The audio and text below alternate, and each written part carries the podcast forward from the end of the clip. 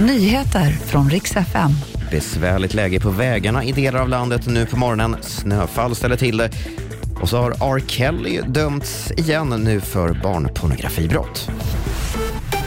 Nu på morgonen kan vädret ställa till det ute på vägarna. I västra Sverige har SMHI gått ut med en gul varning för ymnigt snöfall.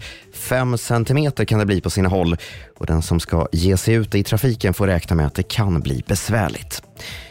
Idag är det precis ett år sedan Rysslands fullskaliga invasion av Ukraina och på årsdagen har Kina gått ut med en 12-punktslista på hur de tycker att kriget ska få ett slut.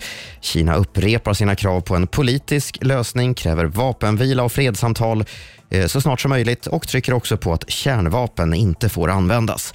Samtidigt cirkulerar uppgifter om att Kina förhandlar med Ryssland om att leverera drönare som ska användas i kriget.